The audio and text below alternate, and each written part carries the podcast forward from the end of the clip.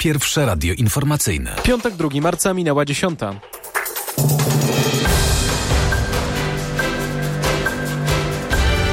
Informacje TOK FM. Witam wszystkich w kolejnej audycji Skóry z cyklu Filmy Zimowe. I rozpoczynamy trzydziestkę. 31 audycja, która zasługuje na omówienie minimum trzech filmów. Zaczynamy, a nagrywam to 2 marca, kiedy w wiadomościach słychać takie informacje. Marta Perchuć-Burzyńska i Filip Kekusz. Kolejne dwie osoby zmarły minionej doby z zimna w Polsce. U nas mróz powoli odpuszcza, a tak zimy w Wielkiej Brytanii.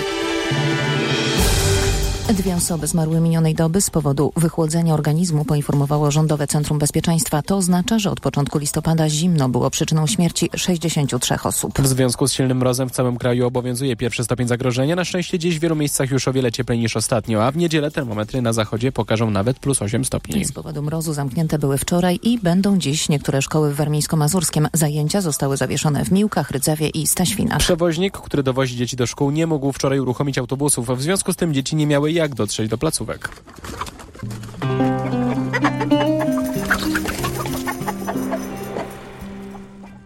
Zamknięte szkoły, dwa trupy. Z jednej strony dzieciaki się cieszą, z drugiej strony tragedia. I wydaje się zwykła codzienność e, w Norwegii, w kraju zimnym, gdzie toczy się fabuła nowego filmu Thomasa Alfredsona, znanego wcześniej z Wpuść mnie, czyli 2008 i Szpieg 2011. I człowiek ten powraca z ekranizacją kolejnej norweskiej lektury, popularnej jakże ostatnio, całego cyklu, a mianowicie Jo Nesbo, czyli urodzony w Oslo, norweski pisarz. Już na ekranach mieliśmy film na podstawie jego prozy, Headhunters. Tym razem jest to jedna z powieści cyklu o Harrym Hule. Mianowicie mamy do czynienia z filmem The Snowman, czyli Pierwszy Śnieg. Pod takim tytułem zostało to u nas w Polsce wydane. Jeżeli chcecie więcej wiedzieć o tej serii, to na konglomeracie podcastowym Michał Rakowicz omawia każdą książkę po kolei. Zanim przystąpiłem do oglądania tego filmu, a wiedziałem już rok temu, słuchajcie, na początku 2017 roku, że będzie ekranizacja właśnie z bardzo dobrym aktorem Fassbinderem w roli głównej, w roli detektywa. To się ziściło pod koniec roku 2017, również u boku Charlotte Gainsbourg, aktorka, piosenkarka. I na początku roku 2017 odpaliłem sobie audiobooka. Wydawnictwo Dolnośląskie i Audioteka.pl przedstawiają Jo Nesbo, Pierwszy śnieg. Przełożyła Iwona Zimnicka. Czyta Mariusz Bonaszewski. Część pierwsza. Środa 5 listopada 1980. Bałwan ze śniegu. No jak to Łukasz? Audiobooka słuchał aż zima przeszła. Ciężko jest mi się skupić, ale oceniam pozytywnie tego audiobooka. No jednak, kiedy przyszła już wiosna i lato, to ciężko było mi wejść w klimat i porzuciłem tę historię. Ale muszę powiedzieć, że opowieść o Harrym Hule, pomimo, że była jedną ze środkowych części cyklu, no, troszkę mnie zaciekawiła i miałem tutaj swoje pewne wyobrażenia już na temat tego, jak można by to zekranizować. To było tego dnia, kiedy spadł śnieg. O jedenastej przed południem, z bezbarwnego nieba, bez żadnej zapowiedzi, zaczęły się sypać olbrzymie płatki śniegu, niczym armada z kosmosu, przybywająca na podbój pól, ogrodów i trawników w Romerikę. O drugiej w Lillestrom do akcji wkroczyły pługi śnieżne. A kiedy Sara Kwineslan o pół do trzeciej wolno i ostrożnie skierowała swoją Toyotę Corolle SR5 między Wille na Kolowajen, listopadowy śnieg przykrywał już puchową kołdrą pofałdowany krajobraz. Wydawało jej się, że domy w świetle dziennym wyglądają inaczej. Do tego stopnia inaczej, że o mało nie minęła wjazdu do jego garażu. Samochód poślizgnął się, gdy przyhamowała, a z tylnego siedzenia rozległo się prychnięcie.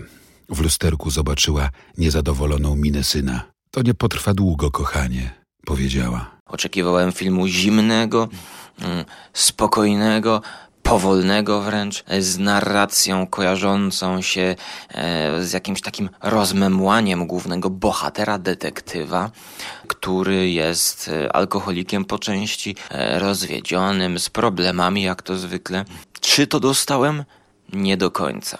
Nie ma co tutaj opowiadać o fabule, poza tym, że cały myk i chwyt, który bierze za gardło już wszystkich potencjalnych widzów polega na tym, że Snowman morduje ludzi. No, początkowo tak myślałem. Nawet mój przyjaciel kiedyś, który wchodził na e, Broad Peaka, e, miał tę książkę ze sobą właśnie, Tomek Kowalski. Pojawiała się ta książka w jego relacjach, chociaż nie mam do końca pewności, czy on zabrał tę książkę, czy to któryś z innych tych alpinistów. E, no on już nie wrócił z tej wyprawy, ale w jednym z wpisów ta książka była przez niego opisana jako, że spokojnie, spokojnie, mamy tutaj ze sobą na wyprawie książkę o morderczym bałwanie. No i rzeczywiście ja też miałem takie skojarzenia i narracja jest po części tak prowadzona. No oczywiście wszyscy znając konwencję kryminału nie uwierzą, że jest to e, morderczy bałwan, bo sam bałwan jest takim znakiem pozostawionym przez zapewne mordercę właśnie w miejscach zbrodni. I stąd tytuł The Snowman. Choć też pamiętajcie, że były też e, filmy opowiadające o prawdziwie morderczych bałwanach, jak Jack the Frost. I już chyba umawiałem ten film w jednej z pierwszych części tego cyklu. I wracając do Snowmana, film dwugodzinny, bardzo, bardzo rozciągnięty, poszatkowany, zarówno w fabule, jak i w montażu.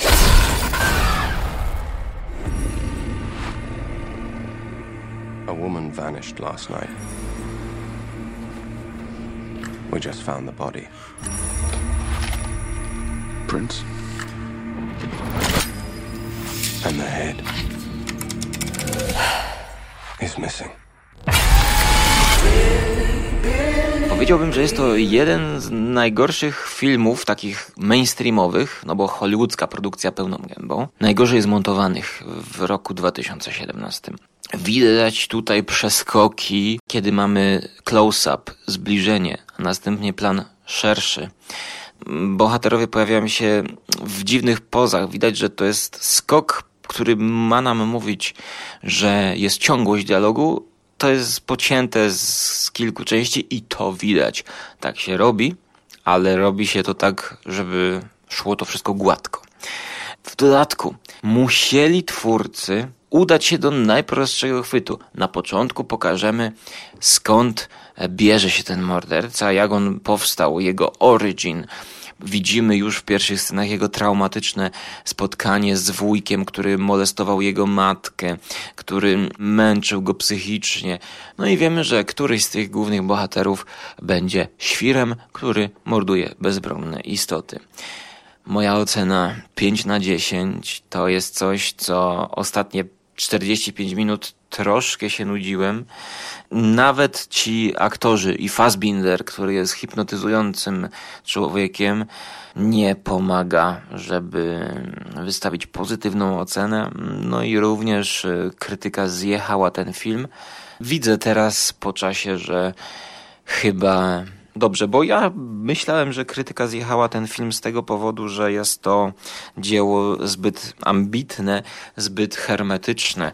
To właśnie chciałem, żeby to było nakręcone w stylu Trapped, tego filmu właśnie norweskiego z norweskimi aktorami, tego serialu norweskiego z norweskimi aktorami, tylko żeby fabuła była bardziej wciągająca niż tam i nie tak rozmemłana. Znowu, już to było omawiane w tym cyklu. To jest zepsuta hollywoodzka produkcja. I tyle na dzisiaj ode mnie w kwestii The Snowman 5 na 10. You can't force the pieces to fit. You could have saved them. No. Gave you all the clues. A my teraz dla krótkiego wytchnienia posłuchajmy odrobinkę muzyki, muzyki zimowej. W tle będzie grał nam zimowy hymn Panta du Prince z płyty The Triad, triada, gdzie mamy wersje ambientowe i instrumentalne wersje ambientowe. Mamy tutaj do czynienia oczywiście z muzyką e, taką relaksacyjną, muzyką tła. A dlaczego mowa o instrumentalnych wersjach? Dlatego, że w wersji tego hymnu zimowego słyszymy jakieś wokalizy, które w tym podwójnym wydaniu chyba są nawet zminimalizowane do wersji instrumentalnej bez wokali. I ta muzyka będzie nam towarzyszyć podczas omawiania kolejnego filmu.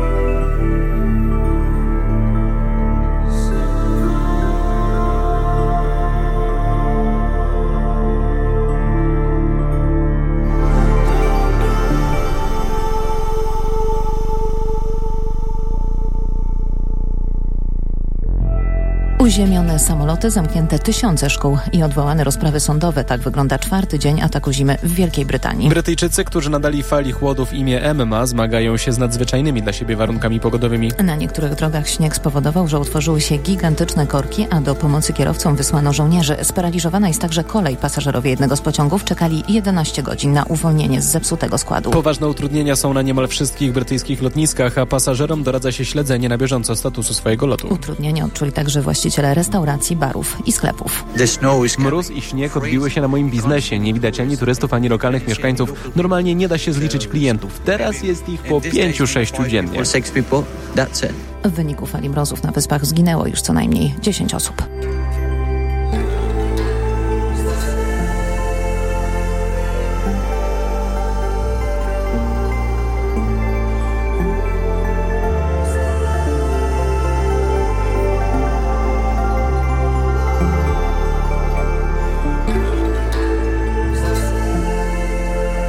I jeśli w Wielkiej Brytanii są takie mrozy, to znaczy, że coś się dzieje. I my również musimy przejść do produkcji wywodzącej się z Wielkiej Brytanii, czyli Black Mirror. I czwarty sezon, trzeci odcinek, tytuł Crocodile.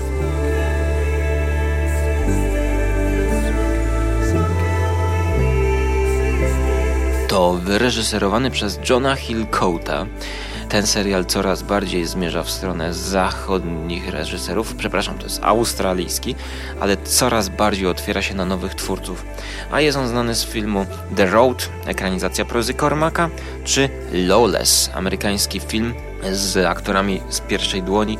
Tomem Hardym, Sheila Buffem, Guyem Pearsem, ze scenariuszem Nicka Cave'a i wyobraźcie sobie właśnie, że John Hillcoat ekranizuje kolejny wymysł Charlie'ego Brookera. No bo Charlie Brooker ciągle pisze te swoje historie, inspirując się i zżynając ze wszystkiego, co popadnie. Nawet w jednym z odcinków nie dał źródła, kiedy zżynka była w moim przekonaniu, no tak 80% ze 100 wziął. Ale teraz e, wracając do Crocodile. To jest właśnie opowieść o tym, co słyszeliśmy w radiu. Odseparowanie od rzeczywistości, od mm, świata i Wielka Brytania. E, klimaty nam się tutaj zazębiają e, w punkt, szanowni państwo. Zima, słuchajcie, krokodyl. Skąd ten dziwny tytuł? Szczerze mówiąc, nie pamiętam, ale mamy do czynienia z prostą sytuacją.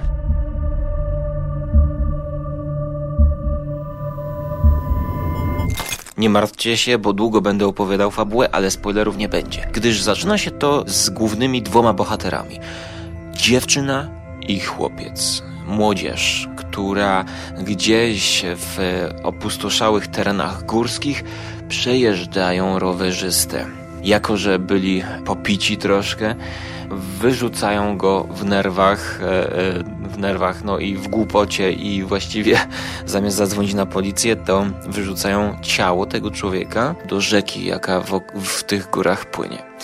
E, to jest prolog, który prowadzi nas do przyszłości. Głównych bohaterów, ale również do świata przyszłości, w którym ta dziewczyna została znaną panią architekt, a ten jej kolega, no nie wiedzie mu się aż tak dobrze. Oni nie są już ze sobą. To wydarzenie ich rozdzieliło, bo byli parą, a teraz każdy z nich żyje osobno na zupełnie innych poziomach finansowych. Pewnego dnia ten człowiek czyta w gazecie, że nie odnaleziono tego ciała po latach. Żona tego rowerzysty wciąż czeka na swojego męża, bo wyjechał na przejażdżkę i do dzisiaj nie wrócił. Po 15 czy po 20 latach ona wciąż czeka.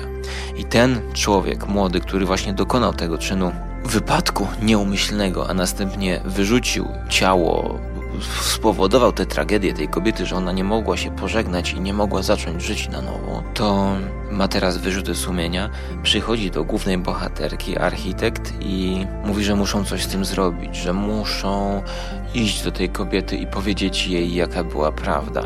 No i tutaj rodzi się konflikt interesów, ponieważ ta architekt, ten, ten architekt, ta pani architekt jest kobietą, która ma rodzinę, dziecko, choć jest chyba rozwiedziona, ale ma dziecko, e, w ogóle żyje e, w odosobnionym przez siebie zaprojektowanym, gdzieś w górach, na uboczu, wiecie, taka super e, minimalistyczna architektura takiego domu przeszklonego i wokół jak okiem sięgnąć to same góry, śniegi, ośnieżone góry. E, coś, co może kojarzyć się z filmem Ex Machina, tylko że tam była jakaś dżungla i lasy. I tutaj mamy kolejny zwrot akcji, który tak naprawdę jest częścią ekspozycji, dlatego ja nadal nie spoileruję i mówię wam, że ta bohaterka zabija swojego przyjaciela, żeby chronić swój tyłek, żeby on się nie wygadał. No i to jest jakby punktem wyjścia. Kiedy to zrobiła, to była w wynajętym hotelu. I z zupełnym przypadkiem e, wtedy ktoś kogoś potrącił na ulicy. Bo ja cały czas opowiadam, opowiadam wam tę fabułę, fabułę filmu godzinnego, która wydaje się skomplikowana, ale to tylko w pierwszej połowie, bo jak do każdego odcinka Black Mirror miałem zarzuty i będę chyba już zawsze mieć, że są one przeciągniętymi e, historiami, to również zarzut mam do tej historii. Bo historia zaczyna się rozkręcać dopiero wtedy, kiedy nagle pojawia nam się drugi bohater wprowadzony, czyli e, jakaś, nie wiem, czy to jest Arabka, czy to kobieta jakaś z krajów hinduskich, czy to z innej kultury zupełnie, Shazia Akhand, detektyw Shazia Akhand, która posługuje się pewnym gadżetem i tutaj właśnie mm, pojawia nam się motyw science fiction, gadżet, specjalny monitor, który pokazuje wspomnienia człowieka. Jeżeli podepniesz się do tego monitorka i będziesz myślał o danej chwili, o przeszłości, to pani detektyw jest w stanie zobaczyć jakieś mgliste wyobrażenie tego, co widziałeś. Memories can be subjective. They may not be totally accurate and they're often emotional. I don't remember anything, it's a total blank. Co łączy panią detektyw i panią architekt? Otóż detektyw jest na usługach ludzi, którzy chcą uzyskać odszkodowanie od ubezpieczeniowych firm. I facet, który został potrącony przez samochód, to świadkiem całego tego wydarzenia była właśnie architekt. To się tak dziwnie łączy, zaskakująco, że detektyw chce uzyskać informacje od świadka tego wypadku, którym to świadkiem była kobieta, architekt, która widziała to z okna hotelu, ale dokładnie kilka minut wcześniej zabiła tego swojego przyjaciela, żeby chronić swój tyłek. I co teraz? Losy tych dwóch kobiet łączą się ze sobą, ona ma w pamięci e, całość tego zdarzenia. I tutaj jest motyw z Blade Runnera wyjęty, tego poszukiwania na zdjęciu, które robi Descartes, mm, to tutaj ta kobieta poszukuje wspomnie we wspomnieniach. Picture what you saw. Did you see the vehicle that hit the pedestrian? I didn't see the actual crash. Do you mind if I ask you a few questions? Czyli mamy więcej niż zdjęcie, mamy taki film, w który ona może wchodzić i moderować na tym monitorku, zadając odpowiednie pytania temu przesłuchiwanemu, który ma wszczepiony chip i za pomocą tego chipa przesyła się obraz do monitora i widzimy jego wspomnienia. No ale dwa takie zdarzenia obok siebie to się zazębiają, więc nasza detektyw może odkryć, co się wydarzyło. This accesses your memories of what happened. I don't care what you do in your own time. Private stuff is private stuff. Tutaj powiedziałbym dopiero rozpoczyna się cała historia. E, Nie opowiedziałem wam wszystkich szczegółów. No a gdzie jest ta zima? No zima cały czas jest w tle. Zima jest przyczynkiem do tego wypadku, bo było za ślisko i był wypadek. E, Zima jest wokół mieszkania tej głównej bohaterki i otacza ją zewsząd. Otacza ją zewsząd pustka. E, Pustka duchowa, moralna pustka, ponieważ jej wybór, żeby zabić, był zły i powodował kolejne złe wybory. I tutaj największy minus tego odcinka. Nie mogę uwierzyć, że ona tak idzie w to zło, które dalej robi. To według mnie umotywowane do konstrukcją bardziej niż działaniem bohaterki. To mi się nie podoba, to mnie nie przekonuje. I oczywiście w drugiej części rozciągnięte. Zawsze będę uważał, że pół godziny, 35 minut najwyżej te odcinki Black Mirror spokojnie by zyskały. No tym bardziej, że Rod Serling był w stanie zrobić arcydzieła dwudziestokilkuminutowe. To jest średni metraż, słuchajcie, to jest godzinny film zaliczany mm, fachowo do średniego metrażu. To jest coś pomiędzy, troszkę rozciągnięte. Tak samo jak moja gadanina. Dlatego przejdźmy może do uspokajającej muzyki z płyty, którą mogę polecić Wam e, na górskie zimowe wyprawy narciarskie, bo dorwałem płytę, która nazywa się tak Mu Muzyka w zimnym klimacie. Sounds of Hansa Europe. Mamy tutaj do czynienia z muzyką klasyczną, z muzyką różnych kompozytorów, XV-XVI wiek. Dopiero zaczynam wgryzać się w ten album. Skrzypce, wiolonczela, ale także organy, które przywodzą na myśl takie zimne klimaty. Posłuchajmy. Music in a Cold Climate.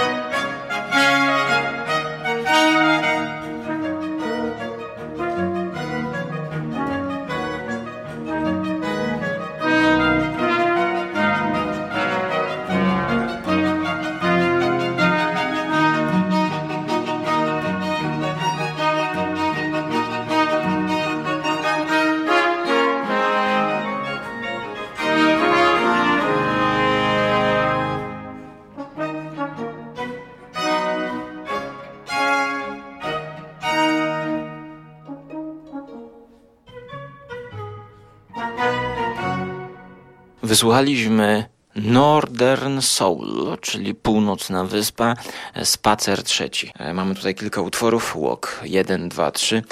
Powiem, że ta płyta jakoś nie zachwyca mnie, ale chyba jest niezłą ciekawostką. Posłuchajcie sami i dajcie mi znać, czy pasuje do klimatów zimowych, a mimo całego mojego narzekania, Odcinek Black Mirror Crocodile z czwartego sezonu dostaje 7 na 10 i teraz przechodzimy już do czegoś najlepszego w tym zestawieniu, choć filmu, który dostał ocenę 6 na 10, czyli mniej, ale jest chyba najbardziej ambitnym dziełem, jaki dzisiaj omawiamy. W tym naszym kalejdoskopie różnych zimowych dziwactw mieliśmy e, typowy kryminał, thriller współczesny, mieliśmy science fiction połączone z kinem, no też kryminalnym, a teraz mamy coś naprawdę hardkorowego. Chciałoby się powiedzieć, że jest to horror, jednak nie ma tutaj elementu nadnaturalnego.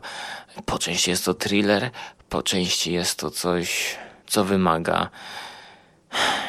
odrobiny wprowadzenia.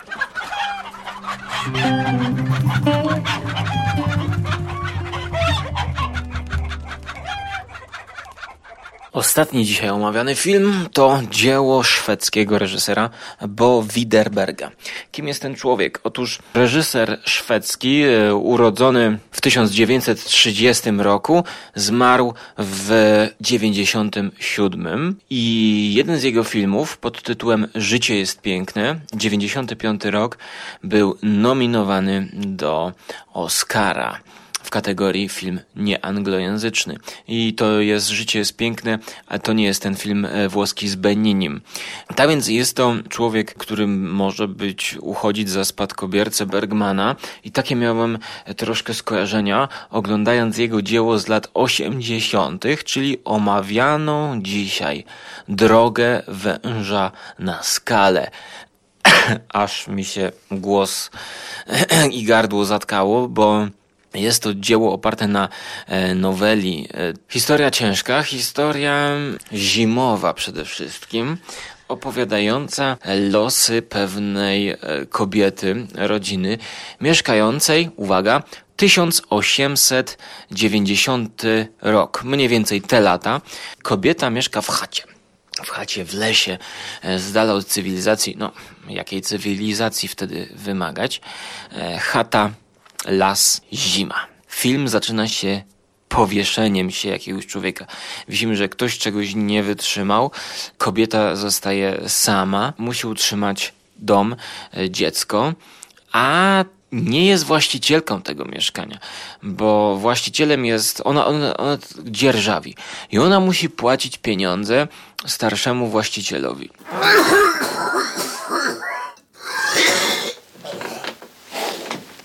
Blon?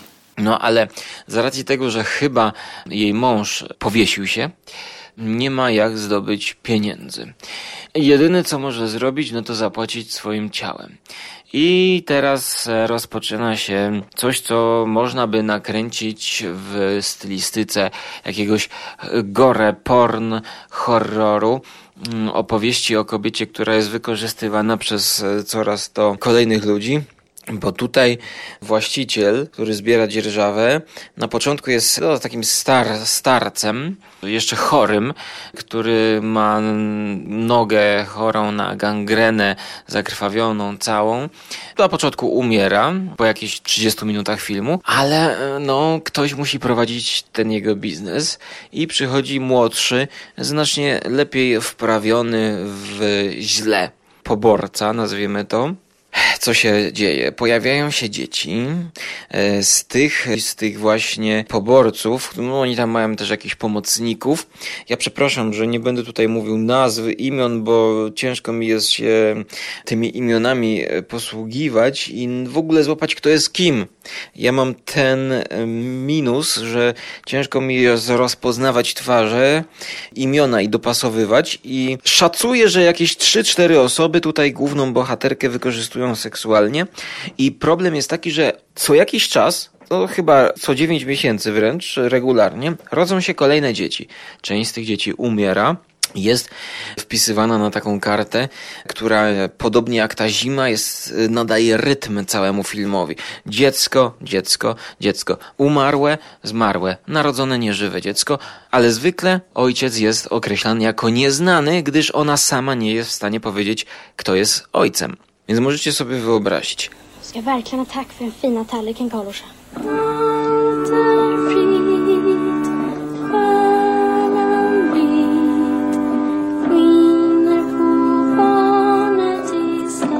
Ale co ciekawe, początkowo reżyser nie epatuje tymi scenami seksu e, czy gwałtu. No, to nie byłby gwałt, bo ona wie, że jedyne czym może zapłacić to swoim ciałem, więc musi to zrobić, albo chce, no chce właściwie tak, chce, to trzeba powiedzieć, że nie musi, bo mogłaby wyjść i sama gdzieś zarabiać, mogłaby coś wymyślić właśnie, to Potem, jak powiem Wam o minusach tego filmu, e, rodzą się kolejne pokolenia. Ona oddaje się. Reżyser nie epatuje tymi scenami seksu, ale właśnie poprzez zimę. I zmiany pór roku pokazuje upływ czasu i pojawiające się nowe dzieci w tej, w tej chałupie. To jest ciekawe. Pierwszy film, Snowman, używał zimy i śniegu jako y, takiego symptomu mordercy. Śnieg pozwalał objawić się mordercy i w postaci bałwana zostawiał po sobie jakiś charakterystyczny podpis. E, w drugim omawianym filmie śnieg był scenerią, która odseparowywała główną bohaterkę od moralności, e, od świata, e, pokazywała wyizolowanie jej i oderwanie od rzeczywistości i błądzenie w pustkę tego zła, którą czyni, mordując, robiąc coraz gorzej, zamiast się przyznać e, już na samym początku e, do wypadku, co byłoby e, dla niej mniejszą szkodą i dla wszystkich innych. Natomiast w trzecim filmie dzisiaj omawianym twórcy zimy używają właśnie jako elementu służącemu pokazaniu upływowi czasu.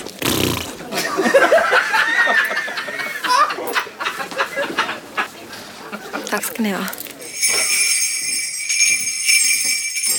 i bezlitosnemu upływowi czasu, ponieważ ten film jest zimowy tak w 90%. Pojawiają się króciutkie sceny w lecie, czy na jesień, czy na wiosnę, pokazujące nam na przykład, że kobieta na jesień idzie narąbać drewna, żeby się przygotować na zimę. I kiedy jest już Zima to okazuje się, że już tam jakiś nowy członek rodziny się pojawia. Te córki zaczynają dojrzewać i dorastać, słuchajcie. To dosyć szybko się dzieje w fabule filmu, że plasuje nam się taki dualizm. Z jednej strony mamy tego poborcę podatkowego, który jest właścicielem gruntów, w takich okularkach właśnie rodem z Bergmana, to jest tak, jakbyście oglądali takiego Bergmana połączonego troszkę z bezwzględnością Haneke, przeniesionego pod koniec XIX wieku w jakieś właśnie ustronne wiejskie tereny zaśnieżone. Takie jest wrażenie oglądając to. Ten poborca, taki chudy, typowy, taki Szwed właśnie, e, z jasnymi włosami, w okularkach, przypominający trochę nazistę może, jest głównym czarnym bohaterem przeciwko tej kobiecie, która znajduje sobie jakiegoś, właśnie nie wiem skąd się wziął ten człowiek. Wypadało by, żebym obejrzał jeszcze raz ten film i przeanalizował te wydarzenia, ponieważ ona ma jakiegoś przyjaciela nazwijmy go właśnie takim przyjacielem rodziny, który pomaga jej w jakiś sposób, przynosi pieniądze. Być może to jest nawet jej partner, ale co ciekawe, sceny seksu z tym partnerem nie są pokazane. Jest jedna scena seksu z jakimś człowiekiem, którego nawet twarz nie jest pokazana, słuchajcie. I to jest taki zabieg, że widzimy, że ktoś uprawia z nią seks i wykorzystuje ją, ale nie widzimy, która to jest postać, albo jest tak ciemne oświetlenie, że może widzimy, ale ja mając problem z rozpoznawaniem tych twarzy, nie dostrzegam, który to był. Ni ska inte vara rädda. Inte skyldiga någonting. Utom eh, arrendet förstås. Ten człowiek, przyjaciel rodziny, przynosi pieniądze i dzięki temu ona jest na przykład w stanie zapłacić dzierżawę na cały rok. I ma rok e, spokoju, no ale niestety pieniądze się kończą. Czasami zima przychodzi bardzo sroga i nie są w stanie, że tak powiem, połączyć końca z końcem, a dzieci zaczynają dorastać, dziewczynki zaczynają dorastać. I przychodzi pewien moment, że ta kobieta zaczyna być coraz bardziej brzydka, stara, no i ten poborca podatkowy w pewnym momencie mówi, że jeśli jest problem z pieniędzmi, no to ja mogę to załatwić tam z tą, z tą młodszą. Ona wtedy mówi, nie, weź mnie, weź wszystko, ale zostaw tę dziewczynkę. I widzimy twarz młodej dziewczynki, mm, która nie jest skalana grzechem i złem która gra na skrzypcach i, i tutaj mamy właśnie no, taki tragizm uciskanej kobiety. Film z 86 roku, e, notabene w kinach pojawił się w Szwecji 25 grudnia. No i oczywiście, dlaczego ludzie kręcą filmy o przeszłości? Po to, żeby powiedzieć coś o teraźniejszości. Nie wiem, jak odbierany był ten film w Szwecji.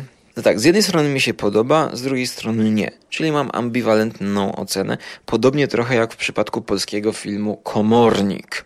Troszkę to jest taka mocniejsza i ostra wersja Komornika, zimowa. Chyba lepszy jest to film niż Komornik, zdecydowanie.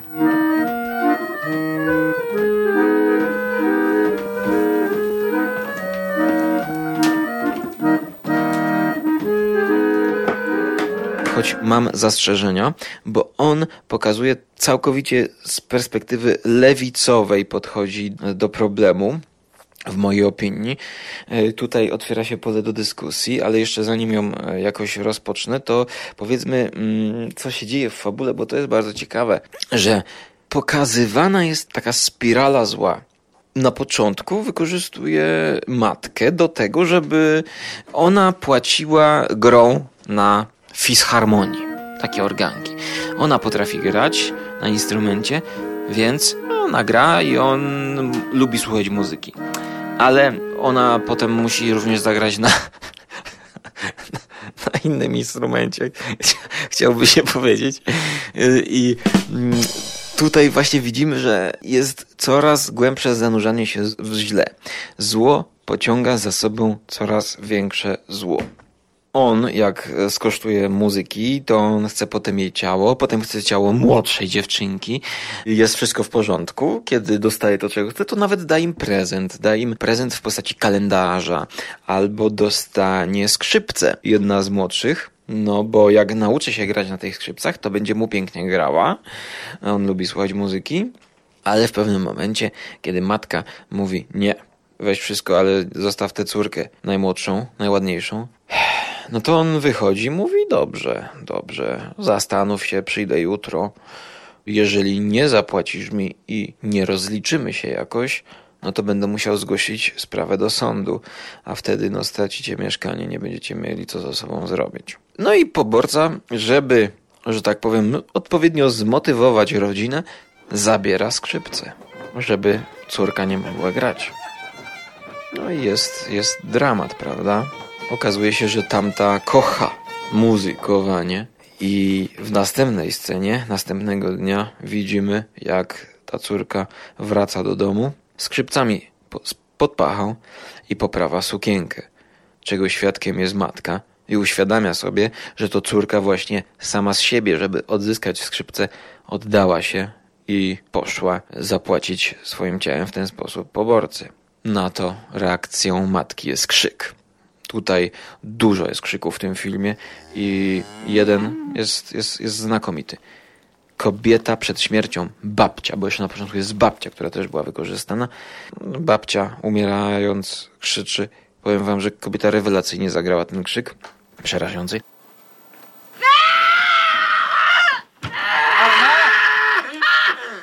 Alma! Alma!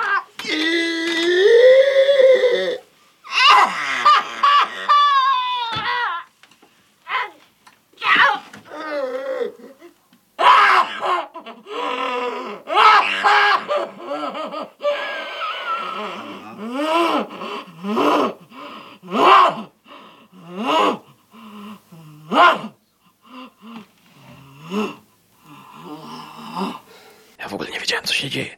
Czy ona rodzi, czy, czy umiera.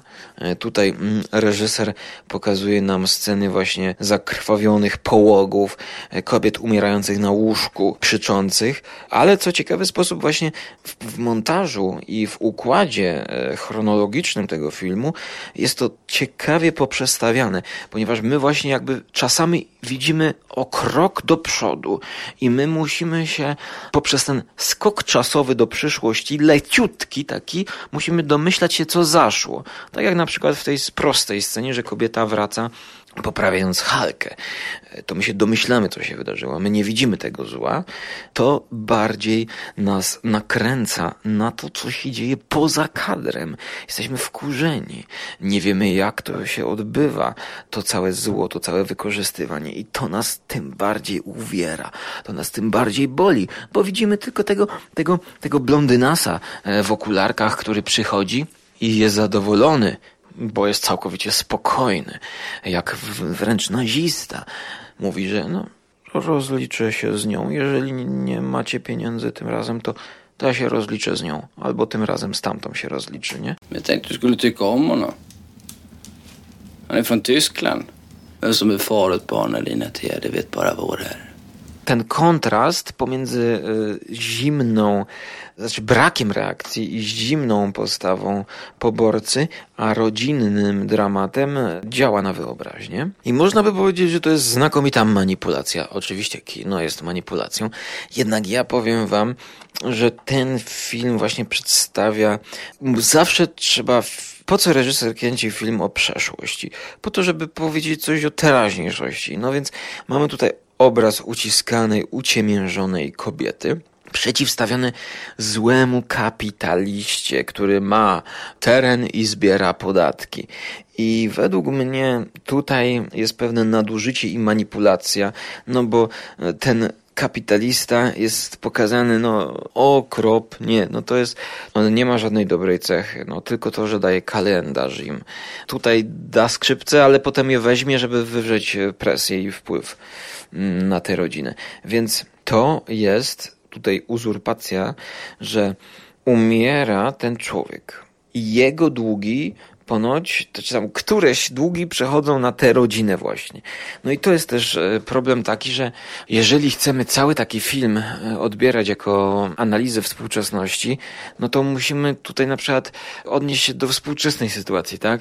E, jaki jest ten system? Jak wygląda przejmowanie długów? No ja tutaj w Polsce obecnie, jeżeli ktoś założy określoną spółkę, na przykład spółkę z ograniczoną odpowiedzialnością, bodajże, czy spółkę SA, no to z jednej strony te długi mogą się zachowywać tak, a z drugiej strony inaczej. W jednej spółce, przy prowadzeniu jednej firmy, my odpowiadamy całym majątkiem, w innym jest to jakoś odseparowane. E, tutaj dokładnie tego nie sprawdziłem, ale to zależy sporo od systemu. Trzeba by się wgłębić, jaki system polityczny i e, podatkowy, prawny był pod koniec XIX wieku e, w Szwecji żeby powiedzieć, co dokładnie jest przyczyną takich nadużyć. No bo jeżeli e, jest to wina systemu prawniczego, że na przykład długi tam przechodzą na kobietę, ona musi to spłacać ona musi to spłacać do śmierci jej dzieci, no to, no to, to, to coś jest nie tak e, z tamtym systemem. Ale pytanie, czy, czy oskarżać znowu tutaj kapitalizm o to. W dodatku tamta kobieta się godzi na to. I nie rozumiem, dlaczego tu jest taka dziura w tym filmie, że ona nie może wyjść, zarabiać, a ten przyjaciel rodziny to jest jedyny, który może wyjść z tej chaty gdzieś do miasta, co, co nie jest w ogóle pokazane, czy daleko jest mieścina jakaś, no bo przecież ona mogłaby chociażby szyć w domu coś i, i coś próbować uciułać, tak? I mogłaby to gdzieś tam sprzedawać. Jest, jest to taka dziura właśnie fabularna, jest to, jest to trochę tak potraktowane właśnie po łebkach, żeby pokazać no, ten ucisk kobiety współczesnej, e, wyzyskiwanie przez mężczyzn, wiadomo, patriarchat i tak dalej. Dlatego jest to film o lewicowym, o lewicowej wrażliwości, ale muszę przyznać, pomimo, że nie podzielam tych poglądów, to, że jest świetnie to, świetnie oddziałuje, e, świetnie jest to zrobione, nakręcone z tak takim wyczuciem. Tutaj zdjęcia na myśl przywodziły mi japońskiego twórcę Ozu, Yasushiro Ozu, tylko że Ozu e, nie pokazywał właściwie żadnych konfliktów.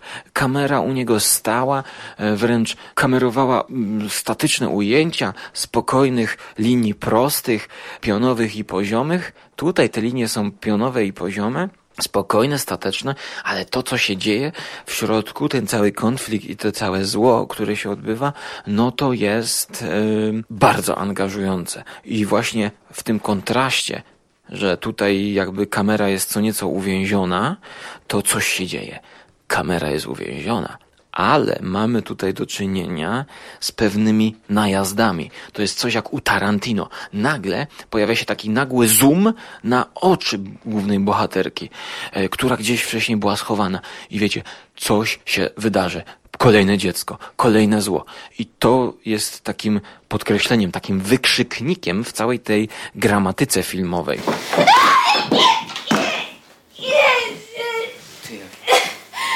Hörru. Hur är det? Tak więc ja film polecam dla ludzi o mocnych nerwach oraz tym, którzy lubią kino europejskie, no i musicie się nastawić na powolne, powolne tempo.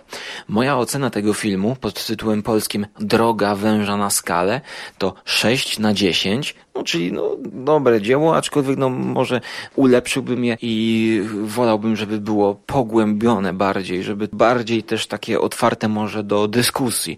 No bo tutaj no, no widzimy no po prostu jakie tu są poglądy nam sprzedawane i, i za bardzo nie ma o czym dyskutować, tak? No, no albo będzie ktoś mówił, że to jest film super, super, tak, tak, tak jest, tak się dzieje na świecie, właśnie tak są kobiety wykorzystywane, no nawet nie kobiety, no bo ten przyjaciel rodziny też jest wykorzystywany. Więc, więc takie zło jest na świecie, no, no ale właśnie nie ma takiego obiektywizmu większego w tym filmie, pomimo, że jest nakręcony świetnie. W ogóle gra aktorska, słuchajcie, oj, szanowni państwo, to jest też y, coś, co poziom kina właśnie powiedziałbym szwedzkiego i tutaj mi się przypomniały też wykłady takie z historii kina u Kletowskiego. On opowiadał o tych początkach e, już, kiedy mm, w Szwecji kręcono filmy nieme, to już tam skupiano się właśnie na pokazywaniu przyrody e, jako tła. Przyrody, która wyznaczała rytm. I dokładnie to tutaj jest y, nawiązanie do tego, czy może ta tradycja jest utrzymywana tego kina szwedzkiego, e, właściwie mm, skandynawskiego kina.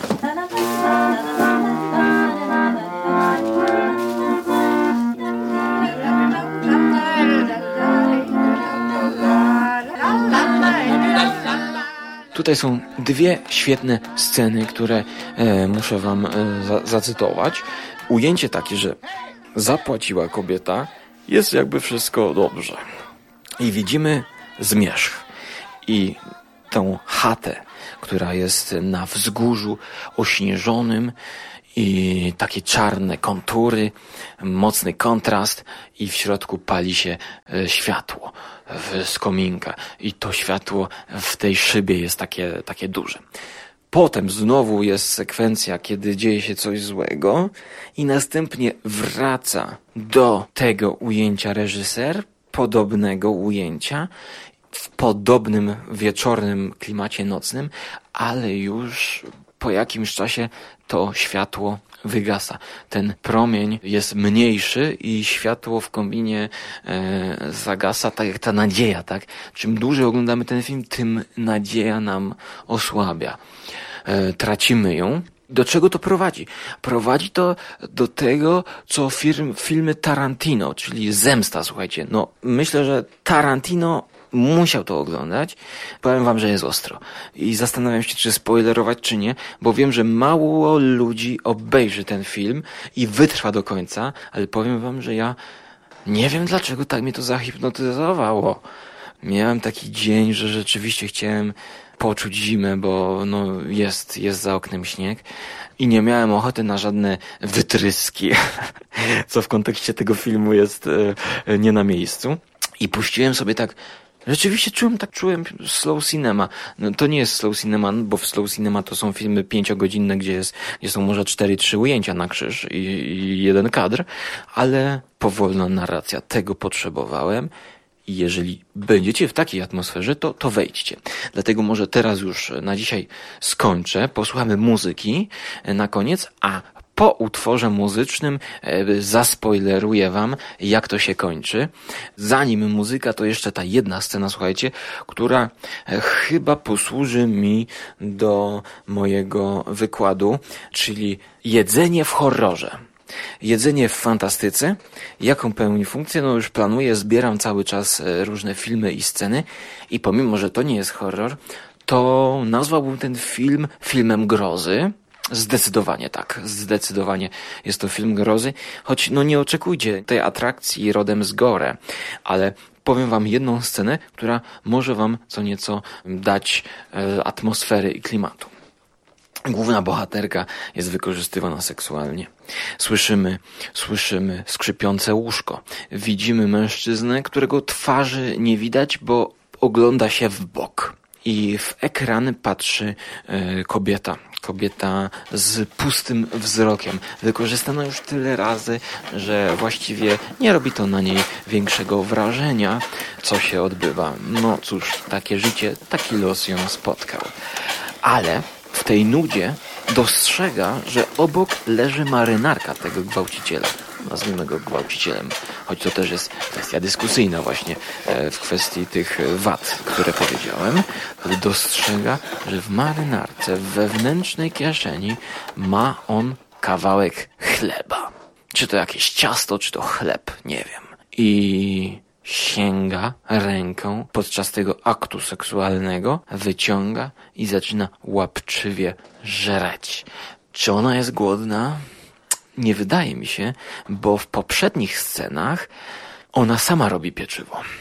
Więc to nie jest scena o tym, że ona oddaje się po to, żeby zjeść kromkę chleba taka scena mogłaby być pokazana nam w jakimś filmie o Holokauście. Jesteśmy sobie coś ta, z, z takiego w stanie wyobrazić e, w scenie, gdzie jakaś Żydówka jest gwałcona po to, żeby dostać kromkę chleba.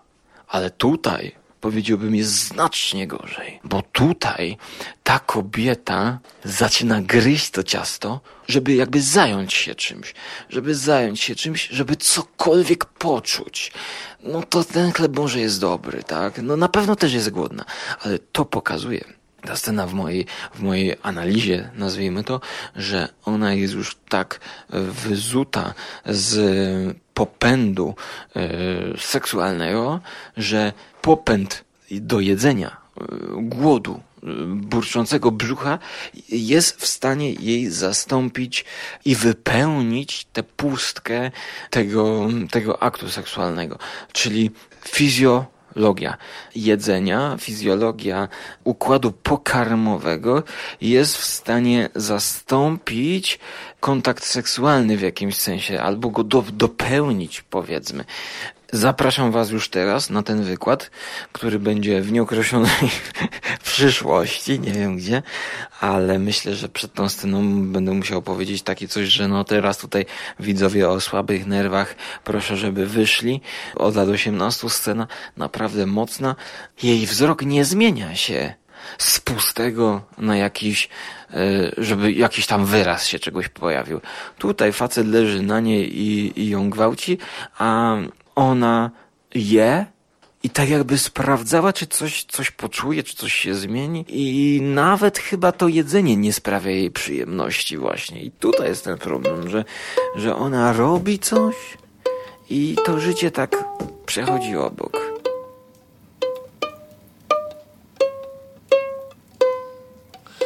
Szokująca scena, szokująca scena, e, dlatego musimy zakończyć e, drogę węża na skalę, który tytuł enigmatyczny.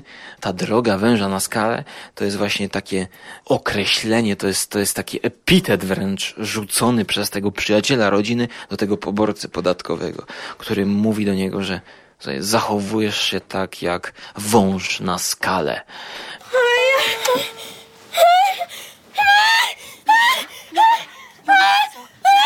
Ja, det finns. Ja, niin ta Tinna till tehuset.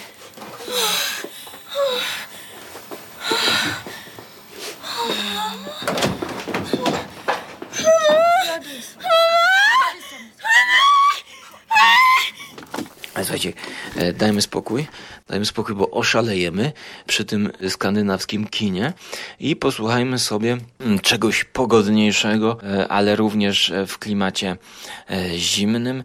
Zapraszam Was na trzyminutowy spacer, ponownie z płyty Music in a Cold Climate. Tym razem zapraszam Was na walk numer jeden, czyli północna dusza Northern Zone. Jest on bardziej pogodny e, i myślę, że pasuje mi do jakiejś wycieczki na nartach biegowych, na biegówkach i może troszkę pozwoli wam spojrzeć na ten spoiler, który po nim zdradzę e, z perspektywy takiego kina, podejścia kina ala właśnie Tarantino. E, może to pozwoli nam zakończyć dzisiejszą zimową przygodę w bardziej taki relaksacyjny sposób.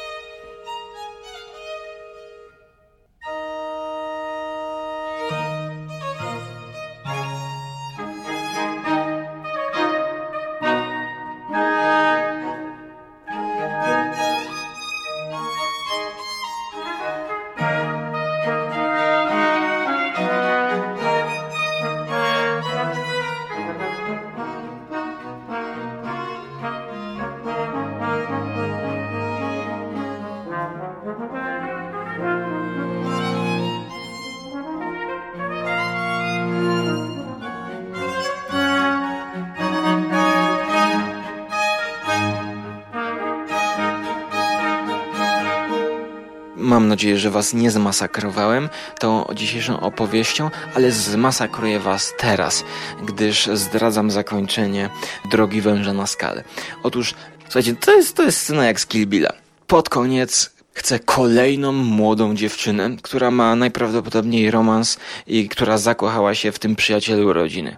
Kiedy przyjaciel rodziny dowiaduje się, że on chce się rozliczyć z tą e, blondowłosą kobietą, która też znowu zaszłaby w ciążę, to on mówi nie, nie, nie, nie, nie, po moim trupie. Ale znowu w montażu widzimy, że ta kobieta w kolejnej scenie siedzi e, sama przy biurku, przygotowuje się. Również za nią, jak za chwilę pokaże kamera, przygotowuje się nasz poborca podatkowy, ściąga już buty, widać te jego białe kalesony, e, no nawet nie rozbiera się do naga i kładzie się na łóżku. Na to kobieta zaczyna rozpinać Halkę, ale on dobrotliwie mówi, nie trzeba się rozpinać, wystarczy, że podciągniesz sukienkę, nie chcę, żebyś zmarzła. O, jaki dobry, prawda? Jaki dobroduszny człowiek, myślicie. I znowu widzimy analogię do poprzedniego sposobu narracji, że widzimy trochę krok później, że ta kobieta zdecydowała się, że ona się rozliczy. Kuźwa, nie, to, to też jest znakomicie. Ona się rozliczy. Ona się rozliczy. On się będzie rozliczał z nią. No to ona się zdecydowała, żeby utrzymać ten dom, utrzymać rodzinę, bo tam kolejne dzieci się rodzą z tych stosunków, nie? No to ona się nie rozpina, tak jak on jej doradził reżyser wreszcie pokaże nam stosunek seksualny pod koniec filmu. On leży jak, jak kłoda leży, a ta kobieta, młoda dziewczyna, ładna, staje nad nim i zaczyna kucać. To to jest okropne. No kurde. Ona jest cała zasłonięta sukienką. I my nie widzimy stosunku, nie widzimy, że tak powiem, narządów płciowych, które się połączą, ale widzimy, że ona kuca. I czym bardziej ona kuca, no to wiemy, co tam się będzie działo pod tą sukienką. I my nie chcemy tego. A nie chcemy tego dlatego, mamy montaż równoległy i widzimy, że za drzwiami ktoś obserwuje tę scenę przez dziurkę w drzewie, po sęku. Wiemy i domyślamy się, że jest to ten przyjaciel rodziny, który nie chce dopuścić do tej sceny, bo przecież powiedział po moim trupie. Drzwi są zamknięte na taki skobelek drewniany. No bo przecież ten poborca podatkowy chce być bezpieczny, no to musieli się zamknąć od środka. I w momencie, kiedy ta kobieta zaczyna powoli kucać na, na tego chłopa, już wyobrażamy sobie, jak tam narządy przygotowują się temu, temu chłopowi, prawda? Już, już tam, co tam się zaraz wydarzy. To pojawia się między szparą w drzwiach nóż który próbuje ten skobel wyciągnąć do góry. I widzimy, że jest jakaś trudność, a tam ta kobieta coraz bardziej kuca. W pewnym momencie ten skobel udaje się przesunąć do góry, drzwi się otwierają, przyparowuje do tego łóżka. I w tym momencie okazuje się, że to była ustawiona sytuacja zarówno przez przyjaciela, jak i tę kobietę, która robiła to po to, żeby on miał erekcję. I w kluczowym momencie ona schodzi, a ten facet obcina penisa, a właściwie obcina napletek temu poborce podatkowemu. Następnie w znakomitym montażu, szybkim jak u Tarantino, kobieta zawiązuje mu penisa, tamując krew i on może się tylko złapać i nawet, nawet nie wydaje żadnego dźwięku. Tylko widzimy zbliżenie na jego oczy i patrzy się na swojego penisa i to, co z niego zostało. I w jego oczach widać wszystko. Widać to, że myśli sobie, o kurde, no to nie podupcze. O kurde, straciłem sens życia. O kurde, jakim ja byłem skurwysynem. Ja pierniczę, ale scena, słuchajcie, i jest to tak zmontowane, że. Nie, ja nie wiem, czy ja widziałem penisa, czy nie widziałem. Ja nie wiem, co ja tam widziałem. To jest jeszcze nie koniec. To jeszcze nie jest koniec. Ponieważ takim epilogiem kiedy poborca podatkowy, no, no bo on musi przeżyć, to było przez nich zrobione w taki sposób, y, żeby oni nie zostali podali ni do sądu, że go zamordowali, bo go nie chcieli zamordować i nie chcieli zabić. Chcieli go po prostu unieszkodliwić, żeby przez... i przestał ich wykorzystywać. Więc on przychodzi za rok. I my myślimy, że już wszystko będzie dobrze, tak? A on mówi wtedy coś takiego, słuchajcie. No, ja chciałbym się rozliczyć jednak z tamtą. Oni tak patrzą, no zaraz, zaraz, jak to? No, on mówi tak. No, myślę, że jest to wykonalne nadal. I, I wiecie, cały czas ten spokój tego poborcy podatkowego. To taka zimna twarz nazisty, nie? I, I on mówi tak, no myślę, że jest to wykonalne, słuchajcie. Przeanalizowałem to i przemyślałem i to jest jeszcze wykonalne. No więc tak, facet po takiej operacji jeszcze, że tak powiem, planuje tego typu atrakcje sobie mm, więc coś z nim jest nie tak. Tak samo jak coś e, jest nie tak z tym filmem, e, może nie tak coś jest ze mną. E, obejrzyjcie. Jeżeli Was zachęciłem, to może popolemizujemy. No i ciekaw jestem Waszych opinii. Tarantino pomieszany z Bergmanem, troszkę z taką zimnością Haneke gdzieś na wsi. Przygoda niesamowita, jeśli tylko będziecie w stanie wytrwać i obejrzeć ten film od początku do końca. Ale jak się już wkręcicie, no to, to może Was wejdzie. Ale zima, zima pełną gębą. Dobra, tyle na dzisiaj ode mnie bo przedłużyliśmy zbytnio. Chyba wyszedł najdłuższy odcinek filmów zimowych, a mam jeszcze w tym sezonie sporo do powiedzenia, również choćby o grach planszowych bazujących na filmie The Thing Carpentera. Ale o tym może w przyszłych odcinkach filmów zimowych. Trzymajcie się zimno, do usłyszenia w przyszłości. Hur gammal är hon nu? 17? Hon är 16 just fyllda. Men stor efter åldern.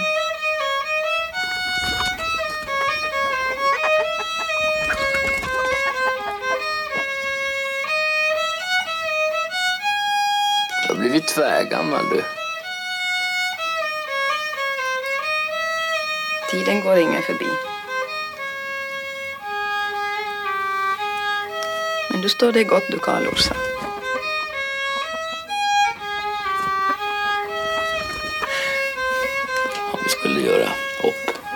affären här vår. Ja, jag kanske skulle sätta fram drickan. Jag sa Eva hitta upp en massa par nybitar som du inte har hört ännu. Jag har tänkt mycket på det, Thea. Du skulle ta och sätta ifrån dig. Pojken din är